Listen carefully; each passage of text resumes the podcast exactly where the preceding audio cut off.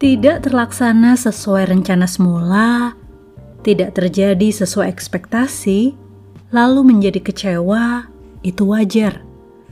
Namun, jika kemudian kecewa berkepanjangan, lalu menjadi tidak produktif, lalu mengurung diri, itu justru semakin merugikan diri sendiri. Hidup ini beraneka warna dan rasa, suka duka, senang susah, sehat sakit, gagal berhasil, bahagia dan kecewa. Kita mau fokus yang mana?